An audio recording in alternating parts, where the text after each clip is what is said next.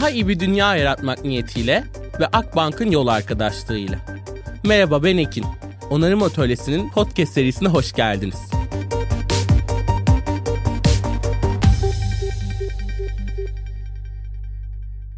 Herkese kocaman bir merhabalar. Genel olarak bölümlerin girişlerinde zaten heyecanlarımı saklayamayan ve belki de saklamak istemeyen biriyim. Ama bugün ekstra heyecanlı, umutlu, güçlü hissediyorum ve çok uzun zamandır da iyi uyanmadığım kadar güzel bir sabah uyandım. Çünkü bugün benim için çok önemli. Yazılarıyla büyüdüğümü, büyümekten kaçarken büyüdüğümü hissettiğim biriyle birlikteyim. Sevgili Ece Temel Kur'an bugün bizimle birlikte. Ece Hanım hoş geldiniz. Hoş bulduk Eke. Ne güzel böyle başlamak. Harika. Yalnız tabii büyüdüm derken ben de sizinle büyüdüm. Hani o kadar yaşlı değilim onu söylemek isterim. çok teşekkürler. Gerçekten o benim kendimi çocukluktan ki çok çıkmış biri miyim bilmiyorum ama çıkış sürecimde sizi anlamak, okumak, dinlemek benim için çok önemliydi. Özellikle bugün dünyayla meseleleri olan biriyim ve mesele edinme biçimlerini, insanları anlamayı, kendimi tanımayı sizin yazılarınızda yürüyerek çok çok fazla deneyimledim. Bu bana çok iyi geldi. Özellikle de bu podcast serisinde biz dünyayı onarmaya, mesele edinenleri ağırlamaya çalışıyoruz ve dünyaya bir söz söylemek niyetindeyiz. Tam bu noktada da buraya bir motto ararken neyi neden yapmak istediğimi de düşünürken Gürültü serisi sizin hep beni çok beslemişti ve tam olarak bunu buldum. Gürültüde umudun sesini duymak. Bugün yaşadığımız şeyi bir gürültü olarak tanımladığımızda burada umudun sesleri de var ve ben bu podcast serisinde mesele edinenlerle bunu arayacağım demiştim. Bu yüzden tüm bu gürültüde tekrardan umudu verdiğiniz için çok çok teşekkür ederim. Ben teşekkür ederim. Ayrıca o Kafka Okur'da başlattığım Gürültüde serisinin böyle bir şeye ilham kaynağı olması da tabii ki çok mutlu edici bir şey. Çok teşekkürler Ekin. Ben çok teşekkür ederim. Bugün aslında sizin yığınla kitaplarınızda da bahsettiğiniz yığınla meseleleri olan biri olmanızla birlikte ben Ece Temel Kur'an neleri mesele ediniyor, dünyayla dertleri neler ve bu meselelerin, bu dertlerin bugünkü hikayenizdeki yeri neyle başlamak çok isterim. Bir kere geçenlerde bir başka bir röportajda Almanya'da söyledim dediler ki sizin kişisel meseleniz ne? Ben dedim ki ben bir kadınım her şeyi kişisel algılıyorum. Böyle komik bir şaka gibi geldi onların kulaklarına ama feminizmin önemli sloganlarından bir tanesidir kişisel olan politiktir diye. Ben hani bütün meselelerin, dünya meselelerinin kişisel meselelerimiz olduğunu düşünüyorum. Öyle öyle algılıyorum daha doğrusu, öyle de yaşıyorum. Ve yani dünyada olan her şey benim meselem ama aynı zamanda ben de dünyanın bir meselesi olmaya çalışıyorum galiba. Hani konuşarak ve bir şeyler söyleyerek sürekli yazarak. Bu bundan sonra da izninizle kullanmaya devam edeceğim bir cümle. Dünyanın meselesi olmaya çalışmak. Sanırım bugün sorunları çözmek için de buna bakmak gerekiyor. Bugün az önce de bahsettiğim gibi gürültüde umudun sesini duymak ve sizin yazı serinizden bir ilhamla harekete çıkmaktan bahsetmiştik. Peki bugün hala sizce böyle mi? Bir gürültü içinde miyiz? Bu gürültüden saklanmak ve korunmak mümkün mü? Ya da bu gürültüde umutlanmak, umudu duymak sizce mümkün mü? Yoksa artık umut yerine inanç mı demeliyiz? Şimdi söylediğiniz cümleler içinden sözcükler seçeyim. Gürültü, umut ve korunmak. Bu gürültü meselesi evet yani öyle tanımlamak istiyorum bu çağı genel olarak. Çünkü 20. yüzyılın referanslarından hepimiz sürgün edildik. Hiçbir şey eskisi kadar net değil, hiçbir şey eskisi kadar berrak değil hem dayandığımız kurumlar, kurallar, ortak kodlar hepsi parçalanıyor. Zaten yaşadığımız hem politik hem ahlaki meselelerin kaynağında bu var ve bu da büyük bir gürültüye yol açıyor. Ve genel olarak hani bu çağın karakteristiği diyelim kafa karışıklığı ve bunun yarattığı korku. Dolayısıyla bu korku meselesiyle epey bir meşveret ettim ben yani böyle bir epey bir düşünme üzerine özellikle hep beraber yazarken korkuyla ilişkimiz ne olmalı diye. Çünkü korkuyla ilişkimizin ne olacağı aslında bu çağ ile ilişkimizin ne olacağı, bu çağ içinde nasıl bir insan olacağımızı belirliyor. En azından çok önemli bir etken bu. Korkudan korunmalı mıyız? Benim sorum buydu ve kendi hem kişisel hayatımdan yola çıkarak hem de gördüğüm, yaşadığım, izlediğim olaylardan ve olgulardan yola çıkarak vardığım sonuç şuydu. Korkudan korunmaya çalışmak anlamsız. Çünkü bir korku çağında yaşıyoruz. Yani sadece işte ne bileyim ben faşizm, sadece baskı, sadece şiddet değil. Aynı zamanda görmediğimiz şeyler, virüsler gibi mesela hayatımızı son derece belirler hale geldi. Dolayısıyla korkuyla ilişkimizi yeniden tanımlamaya ihtiyaç var bu çağda galiba. Dolayısıyla hep beraber de yazdım. Korkuyla arkadaş olmaya çalışmak gerekiyor. Onunla birlikte yaşamayı öğrenmek gerekiyor. Karar alırken korkularımızın bizi belirlememesi için, dolayısıyla yanlış kararlar almamamız için korkuyla anlamlı bir mesafe ve bir arkadaşlık kurmakta fayda var. Diğer yandan şöyle bir şey var yani korunmak özellikle bireylerin çok önemli bir meselesi haline geldi. Bugün en gördüğüm şeylerden bir tanesi dünyada işte şifa meselesi. Şifalanmak için kendi içine kapanmak ya da bir komünitenin içine kapanmak. Korkulardan kaçmak için küçük toplulukların içine kapanmak vesaire vesaire. Bunlar bizi çoğaltan değil biraz ve çoğunlukla daha doğrusu azaltan şeyler ve hayatla ilişkimiz korunmak üzerine kurulu olunca kendimizi içine sığışmak zorunda kaldığımız küçük hikayelerin içinde buluyoruz. Bu da bizi daha ruh olarak, işte ahlaki olarak, politik olarak da daha fakir insanlar haline getiriyor. Dolayısıyla hayatla ilişkimiz korunmak olmamalı. Özellikle bu korku çağında her şey korkuyla doluyken diye düşündüm ve evet yani korkuların bir sebebi olarak da insanlar çok fazla umuttan bahsetmeye başladı.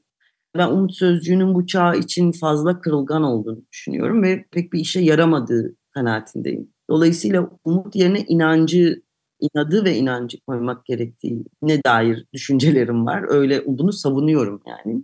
Çünkü insan her şeyini yitirdiğinde, umudunu da yitirdiğinde umudu yeniden yaratmak için inanca ihtiyacı oluyor. İnanç derken dini inançtan bahsetmiyorum.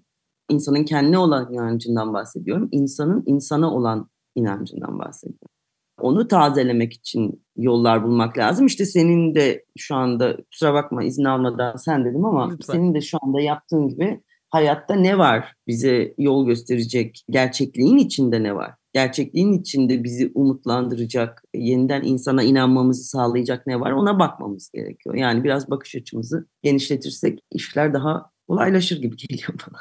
Bu kolaylaşma yolculuğu sanırım hepimizin özellikle bir şekilde dünyaya mesele olmak isteyenlerin ve bunun etrafında dönenlerin de çok ihtiyaç duyduğu bir şey. Çünkü sanırım umut da bazen yorgunluklar yaratabiliyor ama umudu yeniden onarmak için inanmak hepimize iyi bir reçete gibi düşünüyorum. Özellikle bugün kuralların, kodların parçalandığından bahsettiniz kapanma halinden ve bunun bir korkuya dönüştüğünden bahsettiniz. Özellikle kendi yaş grubum içerisinde gördüğümde yüksek bir korku içerisindeyiz. Özellikle meseleler üzerinde baktığımda çöken bir dünya var. Çevresel krizler, derinleşen bir eşitsizlik var ve nereye sığınacağımızı bilemediğimiz noktada belki de artık sığınmak yerine inat etmemizin de fark etmemiz gerektiği bir çağdayız. Peki sizce tüm bu yaşananların içerisinde bu çevresel krizler, gelirdeki, refahtaki, dağıtımdaki bozukluklar yani bana kalırsa temeldeki bu adaletsizlikle birlikte bugün bu kalpsiz dünyanın problemi sizce ne? İnsanlık bugün hangi hikayeden geçiyor sizce? Özellikle daha genç kuşak işte 20'lerinde olanlar için tabii ki çok zor bir dünya. Çünkü binlerce yıldır biriktirilen insanlık sorunlarını doğar doğmaz kucağınızda buldunuz. Ve üstelik öyle bir sistemin içine doğdunuz ki bu sistemden daha iyisi yok diye her yerden bağıran bir dünya yaratılmış durumda. Dolayısıyla sizin jenerasyonunuzun, sizin kuşağınızın problemi imkansız olanı önce hayal etmek. Ve hakikaten zor bir şey yani çok çetrefilli bir sürü devasa krizin ortasındasınız. Onu çözmek gibi garip bir, hiç de seçmediğiniz bir sorumlulukla karşı karşıyasınız. Dünyanın geçtiği hikaye bence işte son zamanlarımızı yaşıyoruz hikayesi. Bunu yani bir apokalips, bir kıyamet günü yaklaşıyor duygusu var dünyada bence. Genel olarak hani zeitgeist'i, zamanın ruhunu belirleyen şey bu.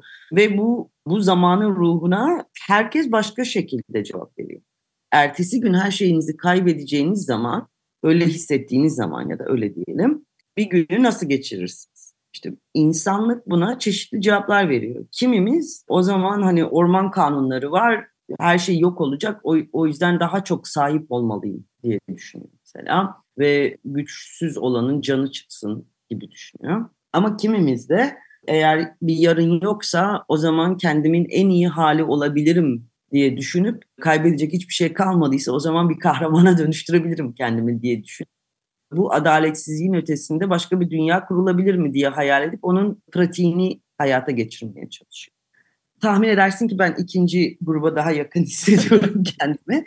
Ve bu yani hem ideolojik bir seçim hem ahlaki bir seçim.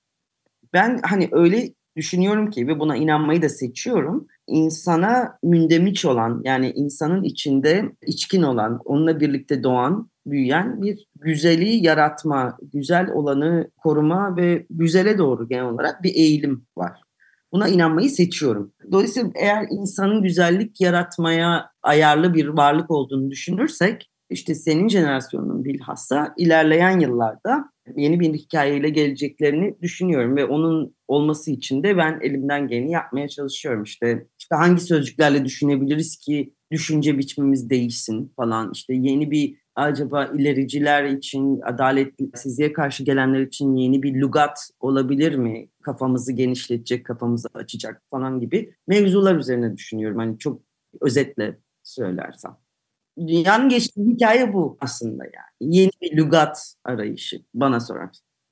Çok çok teşekkürler. Aslında onarım atölyesinde de ben Ekin olarak kendi hikayemi yazarken de kendimin en iyisi olmak dediniz her yeni günde bir öncekinden daha haysiyetli seçimler yapan biri olmak, sistemleri buna zorlamak üzerine dünyaya bakarken kendimin en iyisi olmaya soyunmanın da dünyaya karşı da bir ideolojik duruş olduğunu görmek çok çok iyi geldi bana açıkçası.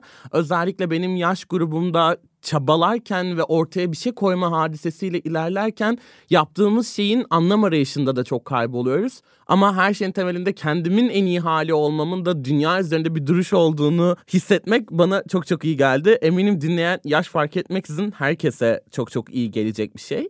Oraya bir şey ekleyelim istersen. Yani şimdi uzun zamandır son iki yıldır diyelim e, epey bir Avrupa'da falan özellikle genç insanlarla iletişim içindeyim. Hani onlara konuşma yapıyorum daha çok ve onları dinlemeye çalışıyorum. Gördüğüm bir şey var enteresan senin kuşağında. Politikalarını hem kişisel düzeyde hem komüniteleri düzeyinde, toplulukları düzeyinde bilirlerken garip bir çıkmazla karşılaşıyorlar. Hiçbir şeye ve hiç kimseye zarar vermeyeceğiz gibi bir ilkeyle yola çıkıyorlar. Bu ne kadar mümkün bilmiyorum. Yani bütün bir hayatı hiçbir şeye zarar vermemek üzere kurmaya çalışmak biraz sanıyorum hem politik olarak hem ahlaki olarak insanları zora sokuyor. Yani senin kuşağını zora soktuğunu düşünüyorum.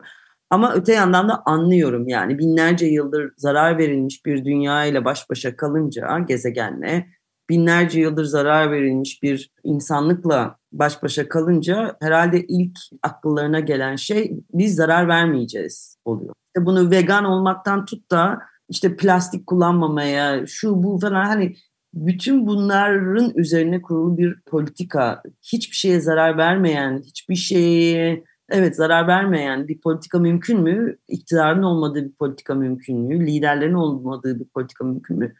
E, göreceğiz yani bunu siz istediniz. Bu sanıyorum bulacaksınız diye düşünüyorum. Belki de bunu bir ütopya olarak ortaya koyuyor olabiliriz. Çünkü sanırım burada bir kuşak ayrımcılığı yapmak niyetiyle değil ama ütopyalara daha çok inanan belki de varlıklarına ihtiyaç duyan bir kuşak olarak koyduğumuz ütopyalara varmaya çalışıyoruz. Belki varamayacağız ama yine de ütopyaların güzel olduğunu hissetmek bize güç veriyor sanırım. Bence de, bence de. Önemli olan evet güzel olduğunu hissetmek, güzele doğru gitmek. E, evet, ideal düzenlerin varlığını bir şekilde dediğiniz gibi biz görmeden onu hayal ederek varmaya çalışıyoruz. Bu bizi belli çıkmazlara kesinlikle sokuyor. Ben size şeyi de soracak nasıl insanlık tarihi yeni bir arayışta mı sizce diyecektim ama bir lugattan bahsettiniz. Yeni bir arayışın aslında yeni bir lugat yaratmak olduğundan bahsettiniz. Peki bu arayışla birlikte sizce biz bir geçiş sancısı yaşıyor olabilir miyiz? Yeni bir amaç, yeni bir düzen, yeni bir yaşam biçimi çünkü bu belirsizlik ve gerginlikle birlikte en çok hissettiğimiz şeylerden biri de sanki bir eşikteyiz ve onu nasıl atlatacağımızı şu an seçmeye çalışıyoruz. Bunu belki bizler haysiyetli tarafa çekmeye çalışıyoruz ama sizce şu an biz bir geçiş evresinde miyiz? Yeni bir hikaye mi arıyoruz? Tabii tabii. Gramsci'nin ünlü sözü vardır eski öldüğünde ve yeni henüz doğmamışken bütün kötücül varlıklar ortaya çıkar ya da bütün kötücül işaretler ortaya çıkar diye. Biz tam olarak o noktadayız bence. Yani eski öldü ama yeni henüz doğmadı. Hem politik sistem olarak hem jeopolitik dengeler olarak hem real politikada hem daha üst düzey politikada yeninin henüz doğamadığı, işaretlerini gördüğümüz ama daha hayata geçiremediğimiz bir zaman geçiriyoruz. Dolayısıyla evet en en ürkütücü zaman bu. Çünkü ne bir eski sistem var ne yenisi kuruldu. Aradaki belirsizlik zamanı, kuralların ve kurumların işlemediği bir zaman. Ve evet yani geçiş zamanlarında doğmak işte o Çinlilerin ünlü bela okuması gibi ilginç zamanlarda doğmak. İlginç zamanlarda zor zamanlardır yani. Aynı zamanda heyecanlı zamanlardır tabii. Bunu heyecanlı da yok saymamak lazım. Daha iyi bir dünya yaratmak niyetiyle ve Akbank'ın yol arkadaşlığıyla onarım atölyesine kaldığımız yerden devam ediyoruz. Evet yani garip bir iyimserlik çünkü çok iyimser bir insanda asla olmadım ama bu yeni bir geleceğin yaratıldığını ve bu masada ilk kez bana da söz hakkı doğduğunu hissediyorum ya da bunun olması için çabalıyorum. Biz de buradayız. Bizimle birlikte bugün alacağımız kararların 50 yıl sonrasını belirleyeceği bir dönemeçte elimi kaldırıp ben de buradayım deme cesaretini bu bölümü kaydederek bile gösterdiğime inandığımda garip bir heyecan da doğuyorum. Çünkü sanırım ilk kez sizleri suçlamak yerine sorumluluğu da üstleneceğim bir dönemeçteyim. Bu beni biraz korkutmakla birlikte bana çok ümit de veriyor. Yani yeni yüzyılın tabii ki en önemli getirdiği yeniliklerden bir tanesi artık sahne yok, mikrofon yok, ekran yok. Yani herkes sahnede ve ben artık mesela yani bir panele falan çağrıldığım zaman sinirleniyorum neredeyse. Çünkü bitti artık bu. Yani biri konuşuyor, diğerleri dinliyor falan böyle bir şey yok. Artık herkes konuşacak. Biz daha bunu normal yani ne bileyim ben gündelik hayatımızda çok yaşayamıyoruz. Sadece dijital bir hayatta yaşıyoruz agora hali. Ama evet herkesin söz söyleme hakkı var. Herkes aynı şekilde duyulacak mı? Aynı oranda duyulacak mı? Hayır. Öyle bir şey yok. Ama işte belli o olmaz. Duyulabilir. Öyle bir öngörülemezlik denizi içinde herkes konuşuyor şu anda.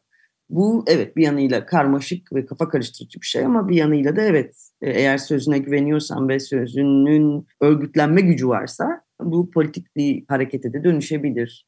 Evet çok çok kıymetli. Burada özellikle yeni bir eskinin öldüğünden ve yeninin henüz doğmadığından işaretlerini gördüğünüzden bahsettiniz. Peki bu durumda tüm bu geçişte onarım atölyesine de ismini veren bu yani bir şeyleri regenerate etmek, yeniden onarmak, onu iyileştirmek kavramı üzerinden sizce bugün onarılmaya ihtiyacımız var mı? Bu gürültüden, krizden, kaostan veya o doğmak üzere olan henüz doğmamış yeniyi doğurmasına eşlik etmek için sizce bugün neye ihtiyacımız var? Onarmak bir çıkış noktası mı sizce? Evet ben o, öyle olduğunu düşünüyorum. Şimdi e, yani tabii ki böyle zamanlarda daha radikal fikirler ortaya çıkar. İşte her şeyi yıkalım, sıfırdan başlayalım falan gibi. Yani daha devrimci, radikal devrimci fikirler ortaya çıkabilir ama maalesef insanlığın tam olarak buna zamanı var mı emin değilim. sıfırdan başlamaya. Birincisi yani eğer mümkünse böyle bir şey zaman bile olmayabilir bu. Ben hani onarımdan yanayım evet hep beraber de biraz anlatmaya çalıştığım şey buydu. Evet bir, gemi enkazıyla karşı karşıyayız. Kurumlar bakımından, politika bakımından, ahlaki bakımdan. Fakat yeni bir hayat, yeni bir jenerasyon bu gemi enkazının etrafında bir mercan kayalığı kurabilir. Bu gemi enkazını kullanarak, onu dönüştürerek, onu onararak senin kullandığın sözcükle söyleyeyim. Onu hayatla onararak evet yeni bir politika da kurabilir, yeni bir ahlak da kurabilir. Bu da oluyor zaten. Sadece tabii ki yani insan ömrü çok kısa bir şey. Biz bunu kendi ömürlerimizde yaptığımız şeylerin sonuçlarını görmüyoruz. Yani çoğu zaman görmüyoruz. Bu da şu anda yapılıyor zaten. Siz bunu yapıyorsunuz zaten. Şöyle söyleyeyim. Bundan 20 yıl önce bir kere veganlık falan gibi bir şey son derece periferide bir hikayeydi. Yani son derece marjinal bir şeydi. Şimdi yani Avrupa'da bilhassa vegan yiyeceklerin olmadığı bir restoran ben görmedim uzun zamandır. Bunu yavaş yavaş yaptınız. Evet daha büyük bir hıza ihtiyaç var ve daha kişiselleştirilmemiş, daha kolektif çözümlere ihtiyaç var. Daha yani sorumluluğundan çıkıp üret hale gelip politikayı oradan belirlemeye ihtiyaç var ama hiçbir şey de olmuyor değil. Onu söylemek istedim. Bu olanlar içerisinde bu bölüme aslında isim düşünürken de çok zorlandım ve henüz daha bir isim de koymadım. Ben anlatmak üzerine, anlatmak onarır mı üzerine bir bölüm ismi belki de düşünmüştüm. Ve şimdi şunu da görüyorum yani bir lugat yaratmak, bunun peşinden koşmak derken Belki de anlatmak dünyayı bugün en temel onaran şeylerden bir tanesi. Ve biz uzun yıllardır siz anlatıyorsunuz. Sizin karakterlerinizden, fikirlerinizden, cümlelerinizden öğreniyoruz da en azından rahatlıkla ben kendimi onarabiliyorum. Peki bugün sizce anlatmak eylemi dünyayı onarabilir mi, iyileştirebilir mi? Aynı zamanda bu sizin için bir onarma, iyileştirme ya da dünyayı kurtarma biçimi mi anlatmak? astrolojiyle ilgilenen bir arkadaşım var. Dedi ki senin yıldızın Şiron mu öyle bir şey. Şeymiş e, kendi yaralarını iyileştiremeyen ama şifacı mı gezegen mi artık neyse bir şeymiş. Ve dedim yani bu evet mantıklı. ben buna inanmak zorundayım. Çünkü yaptığım iş bu ve yani bütün bir hayatı şimdi 49 yaşındayım. Bütün neredeyse işte kendimi bildim bileli diyelim 16 yaşından beri yaptığım şey bu yapmaya da devam ediyorum. Ve gördüğüm şey şu. Evet anlatmak onarır. Çünkü anlatırken hangi sözcükleri seçtiğinize bağlı olarak tarihi ve işte yaşananları, yaşamakta olduğumuz şeyleri de bir bağlama yerleştirirsiniz. Ve o bağlam iyileştirici bir şey olabilir, onarıcı bir şey olabilir. Ben hani şifalandırmak için yazmıyorum. Öyle bir öyle bir amacım yok. Hedefim o değil. Ama yazının ya da anlatmanın da bir sorumluluğu olduğunu düşünüyorum. Çünkü söz tehlikeli bir maddedir yani. Hakikaten oldurur, söylediği şeyi oldurur. Öyle bir kudreti var. Dolayısıyla neyi oldurtmak istediğinizi bilmeniz lazım bir sözü söylemeden önce. Ve aynı zamanda söz söylerken de en azından zarar vermemek, Hipokrat yemininde olduğu gibi zarar vermemek diye bir sözünüz olmalı yani hayata. Öyle bir yemininiz olmalı. Öyle söyleyeyim. Söz tehlikeli bir maddedir dediniz. Bu bana çok düşündürdü de aynı zamanda. Çünkü bugün yazmak, söz söylemek, anlatmak, evet dünya üzerinde bir duruş sergilemek, bir şeyleri bir yöne çekebilmek demek yani iyileştirebilmek demekken bir yandan da üzerimizde korkunç bir söz söyletme, söz söylememiz gerektiğine dair bir baskı da var. Daha fazla üretmek, daha fazla yazmak, daha fazla bir şekilde çağın gerektirdiği araçlarla anlatmamız bekleniyor ve bu sürekli bir pompalanıyor bizim özellikle benim yaş grubum içerisinde. Ve maalesef bugün algoritmaların istediği gibi ya da kitlelerin beğeneceği gibi kalabalıklara oynamamız gerektiği üzerine, görünürlüğün değerli olduğu üzerine bir yankı odasının bir anlatının içerisinde sıkışmışız gibi hissediyorum. Bu verimlilik takıntısıyla üretmek yani anlatmak ve üretmek birbirinden sizce nasıl ayrışabilir? Yani bir üretim takıntısıyla, baskısıyla bir yankı odasının içerisinde bir şey anlatmaya çalışmak bizi sizce bugün anlatmanın, kelimelerin gücünden uzaklaştırıyor olabilir mi? Veya daha tehlikeli bir yere mi çekiyor bizi? Çok güzel bir soru bu. Neden? Çünkü yani benim kişisel olarak da çok üzerine düşündüğüm bir şey. Şimdi Oksijen Gazetesi'nde yazıyorum iki haftada ve eskiden bütün o kitapları yazarken bile ben haftada en az üç gün yazı yazıyordum ve şimdi dönüp bakınca inanamıyorum üç gün yazı yazdığıma. Nasıl üç gün yazı yazabilir insan? İnsanın haftada üç gün iyi bir fikri olamaz. Bu mümkün değil. Bir kere bu derinleşmeyi engeller. Düşüncenin derinliğini ortadan kaldırır vesaire. Neyse. Her çağda böyle bir şey var aslında. Yani işte seni daha çok görünmeye iten ya da özendiren, daha çok sevilmeyi ihtiyaç duymanı daha da nasıl diyeyim, o ihtiyacı daha çok alevlendiren şeyler. Bu çağ tabii ki daha da fena. Çünkü işte hepimizin ya da benim var mesela şimdi Twitter, Instagram ve Facebook hesaplarım var. Ve ben, beni çok yoruyor bu. Post yapmam lazım diye bir, bir şey girdi hayatıma mesela. Sizin jenerasyon için daha da fena bir şey bu. Siz bunun içine doğdunuz bir de böyle hani sehven işte ne diyeyim ehvenişer bir şekilde yapıyoruz yani böyle kenarda falan ama yani bu bana öyle geliyor ki biraz da böyle düşünmek istiyorum belki. İnsanlar herhalde bundan sıkılacak ya bir noktada diye düşünüyorum. Çünkü sıkıcı da bir şey. Kendi kendinin şirketi haline düş, dönüşmek. Kendi hayatının pazarlama birimi gibi davranmak sürekli falan. Bu sıkıcı, boşaltıcı ve hakikaten de tatsızlaştıran da bir şey hayatı da tatsızlaştıran bir şey. Bu geçecek diye bekliyorum. Biraz bu kadar şey olmayacak ve belki de ilerleyen zamanda daha görünmez olmak, daha az görünür olmak, daha niş şeyler yapmak kıymetlenecek belki de. Şimdi Coldplay bütün sosyal medya, Coldplay müzik grubu bütün sosyal medya hesaplarını şey yaptığı zaman, ne o iptal ettiği zaman aklıma bu geldi. Hem belki de bu yeni trend olacak. Ben sosyal medyada değilim demek cool olacak. Çünkü bu çok yeni bir şey. Yani hem Twitter, yeni sosyal medya platformları ve bunlar çoğalacak, daha da şey olacak yani başkaları gelecek yerine vesaire vesaire. Ama ben bunun çok kalıcı bir şey olduğunu düşünmüyorum. İnsanlar şunu da görecek yani burada biri olmanın, bu platformlarda dijital biri olmanın bir kalıcılığı yok. İşte Elon Musk Twitter'ı önce bir sürü insan terk etti mesela. Yıllarını orada geçirmiş insanlar böyle şeyler yaşadıkça bence ne kadar geçici yerlere demir attığımızı fark edeceğiz ve o demirleri o kadar hevesle atmayacağız belki. Çok çok teşekkür ederim. Bu benim de üzerine ekin olarak uzun zamandır düşündüğüm ve özellikle kendi akranlarımla ortaya bir iş koymaya çalıştığımızda benim bu podcast'i yaptığımda kendim herhangi bir özellikle savunuculuk konuları üzerinden bir şeyler üretmeye çalıştığımda bunun değerli olması için 20 saniyelik hareketli videolar çekmek, daha çok insana hitap edecek renkli görsel anlatımı mutlaka kullanmak zorunda olmanın baskısını hissederken sizden bunu duymak bana çok çok iyi hissettirdi.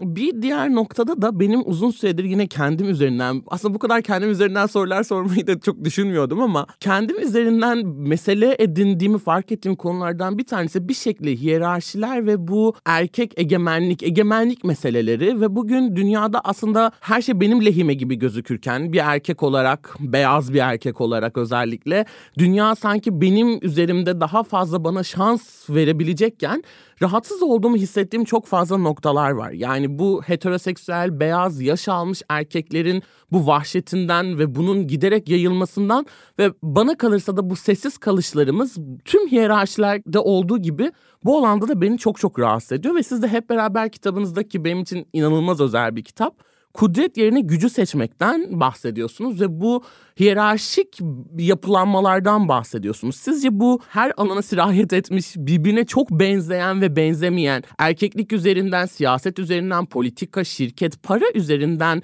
ve farklı konulardan ilerleyen bu hiyerarşik yapılar, bu baskı alanlarından çıkabilecek miyiz ve bu yapıları terk etmek istediğimizde, yıkmak istediğimizde yerine bir şey koymaya hazır mıyız? Ne koyacağız sizce? O kavramlar zaten zamanını doldurduğu ve büyük bir saldırı altında olduğu için bu kadar hırçınlaştılar ve geri saldırıyorlar. Yani bu erkeklik, heteroseksüel, beyaz, orta yaşlı, erkek iktidarı yıkılmaya yüz tuttuğu için bu kadar hırçın ve dizginlerinden boşanmış durumda. Tabii ki hem bu doğal olarak politik bir şey ve ben misojeninin, patriarkanın, faşizmin yancısı olduğunu düşünüyorum zaten. İkisinin ayırt edilemez olduğunu düşünüyorum. Siyam ikizleriler. Ama bu zaten zayıfladığı için bu kadar biz görmeye başladık bunu. Çünkü insanlık tarihi boyunca ilk kez kadın, bildiğimiz insanlık tarihi boyunca kadınlar ilk kez bu kadar eğitimliler. İlk kez bu kadar çok politik birikimleri var. İlk kez korkmadan konuşuyorlar. Bu da tabii ki bir iktidarı sarsıyor. Erkek egemen ideolojinin iktidarını sarsıyor. E bu da bir rahatsızlık yaratıyor tabii. O rahatsızlığın sonucu olarak da yani ben bugün dünyada kadınlara karşı küresel bir savaş başlatıldığını düşünüyorum. Hani İran'da bunun çok böyle ön saflarını, ateş hattını görüyoruz şu anda. Ama sanmasın kimse ki Avrupa'da mesela böyle değil ya da Amerika'da. Aynı çok ağır bir baskı var. Almanya'da, Almanya gibi bir ülkede diyelim kürtaj hakkı yeniden tartışılmaya başlandı. Amerika'da şu anda yüksek mahkeme, yüksek oranın yargıtayı diyelim kürtajı eyaletlerin merhametine bıraktık. Bu demektir ki birçok eyalette kürtaj yapılamıyor şu anda falan. Yani bir kadının kendi bedeniyle olan ilişkisine müdahale eden bir iktidardan söz ediyoruz. Bu kadar manyakça bir şeyden bahsediyoruz. Yani. yani bizim rahimlerimizde ne olacağına karar verme yetkisini kendinde gören bir takım bir, bir, bir erkek egemen ideolojiden bahsediyoruz. Ama sadece kadınlarla ilgili bir mesele değil. Yani bir erkeğin %50'si de X kromozomu, dişi. Dişiliğe karşı verilen bir şey bu. Faşizan tarafı da bu zaten. Dişi olan her şeye karşı bir savaş başladı. Doğaya karşı, erkeğin içindeki dişil olan yumuşak, renkli tarafa karşı. Dolayısıyla dişiliğe karşı bir şey var, bir karşı mücadele var. Ama ben son tahlilde bunu bu yüzyılın dişi bir yüzyıl olacağını düşünüyorum. Ve evet değişmek zorunda kalacak. Çünkü işler böyle yürümüyor o yüzden. Yani işlerin yürümesi imkansızlaştı eski hiyerarşilerle. Evet, dişi bir yüzyıla girdik. Biraz mücadeleli geçecek tabii ki. 3000 yıllık bir iktidarın kendi kendine o zaman öyle yapalım diye kenara çekmesi bekleyemeyiz. Benim bugün aslında duyduklarım bir yandan onarmaya, dünya ile ilgili mesele edinmeye, hak savunmaya dair kendi benliğimde çok temel noktaları doldurmamı sağladı. Tüm bunların sonunda size böyle sormak istediğim konulardan aslında ekin olarak merak ettiklerimden biri de belki de bu çok büyük ve şu an cevaplanamayacak bir soru ama tüm bu konjöktürün içerisinde bu dişilliğe karşı açılmış savaşta bence tüm krizlerin temelinde yatan zaten adaletsizliğin gittikçe gündeme gelmesinde tamamıyla baktığımızda sizce bugün dünyaya mesele olmak isteyenler nereden başlamalı, ne yapmalı? Çünkü en çok da konuştuğumuz konulardan bir tanesi bu ben neye nasıl yeteceğimi bilemediğim bir noktadayım ve inancım, umudumun neresini nasıl köpürteceğimi, harekete geçireceğimi bilmiyorum. Sizce nasıl harekete geçebiliriz? Bugün daha iyi bir dünya için en temelde yarın ne yapmaya başlamak gerekiyor? Örgütlenmeye başlamak gerekiyor. Bunun başka bir böyle bir magic, büyülü bir reçetesi yok. Örgütlenmeye başlamak gerekiyor. Ne yapmak istiyorsanız hayatta onun için. Ve mesele şu insanlar dışarıya e, e, birçok insan size şunu söyleyecektir dinleyenler için söylüyorum. Kendinizden başlayın değişmeye. Hayır efendim öyle bir şey yok.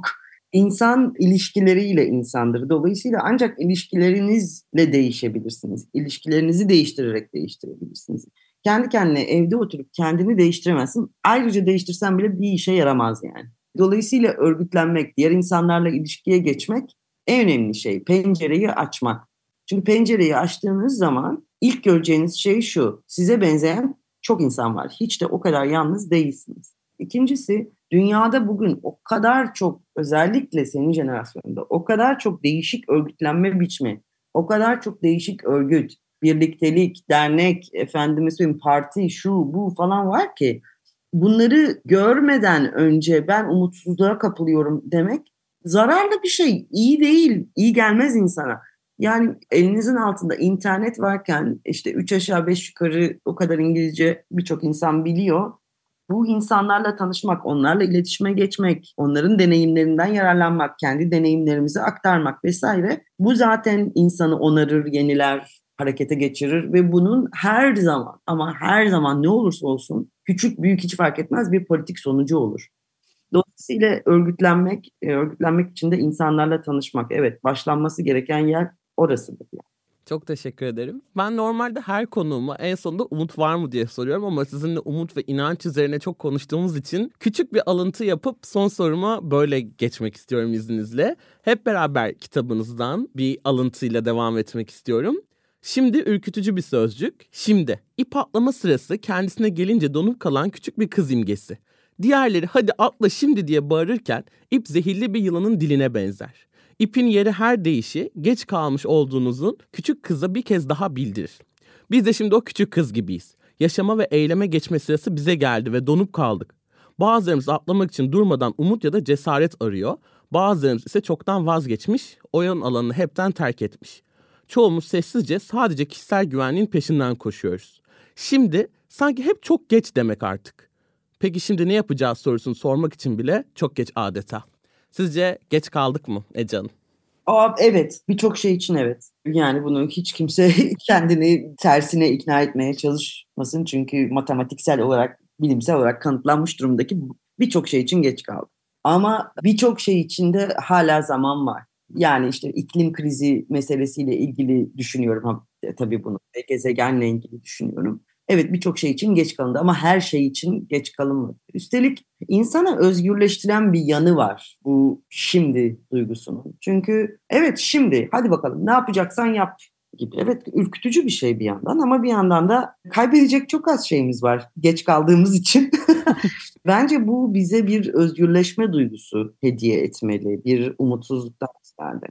Evet şimdi ve şimdi yeterince uzun bir zaman aslında. O zaman şimdi burada olduğunuz için, şimdi harekete geçme alanını bize tanıdığınız için ve onarım atölyesinde olduğunuz için çok çok çok teşekkür ederim. İyi ki geldiniz.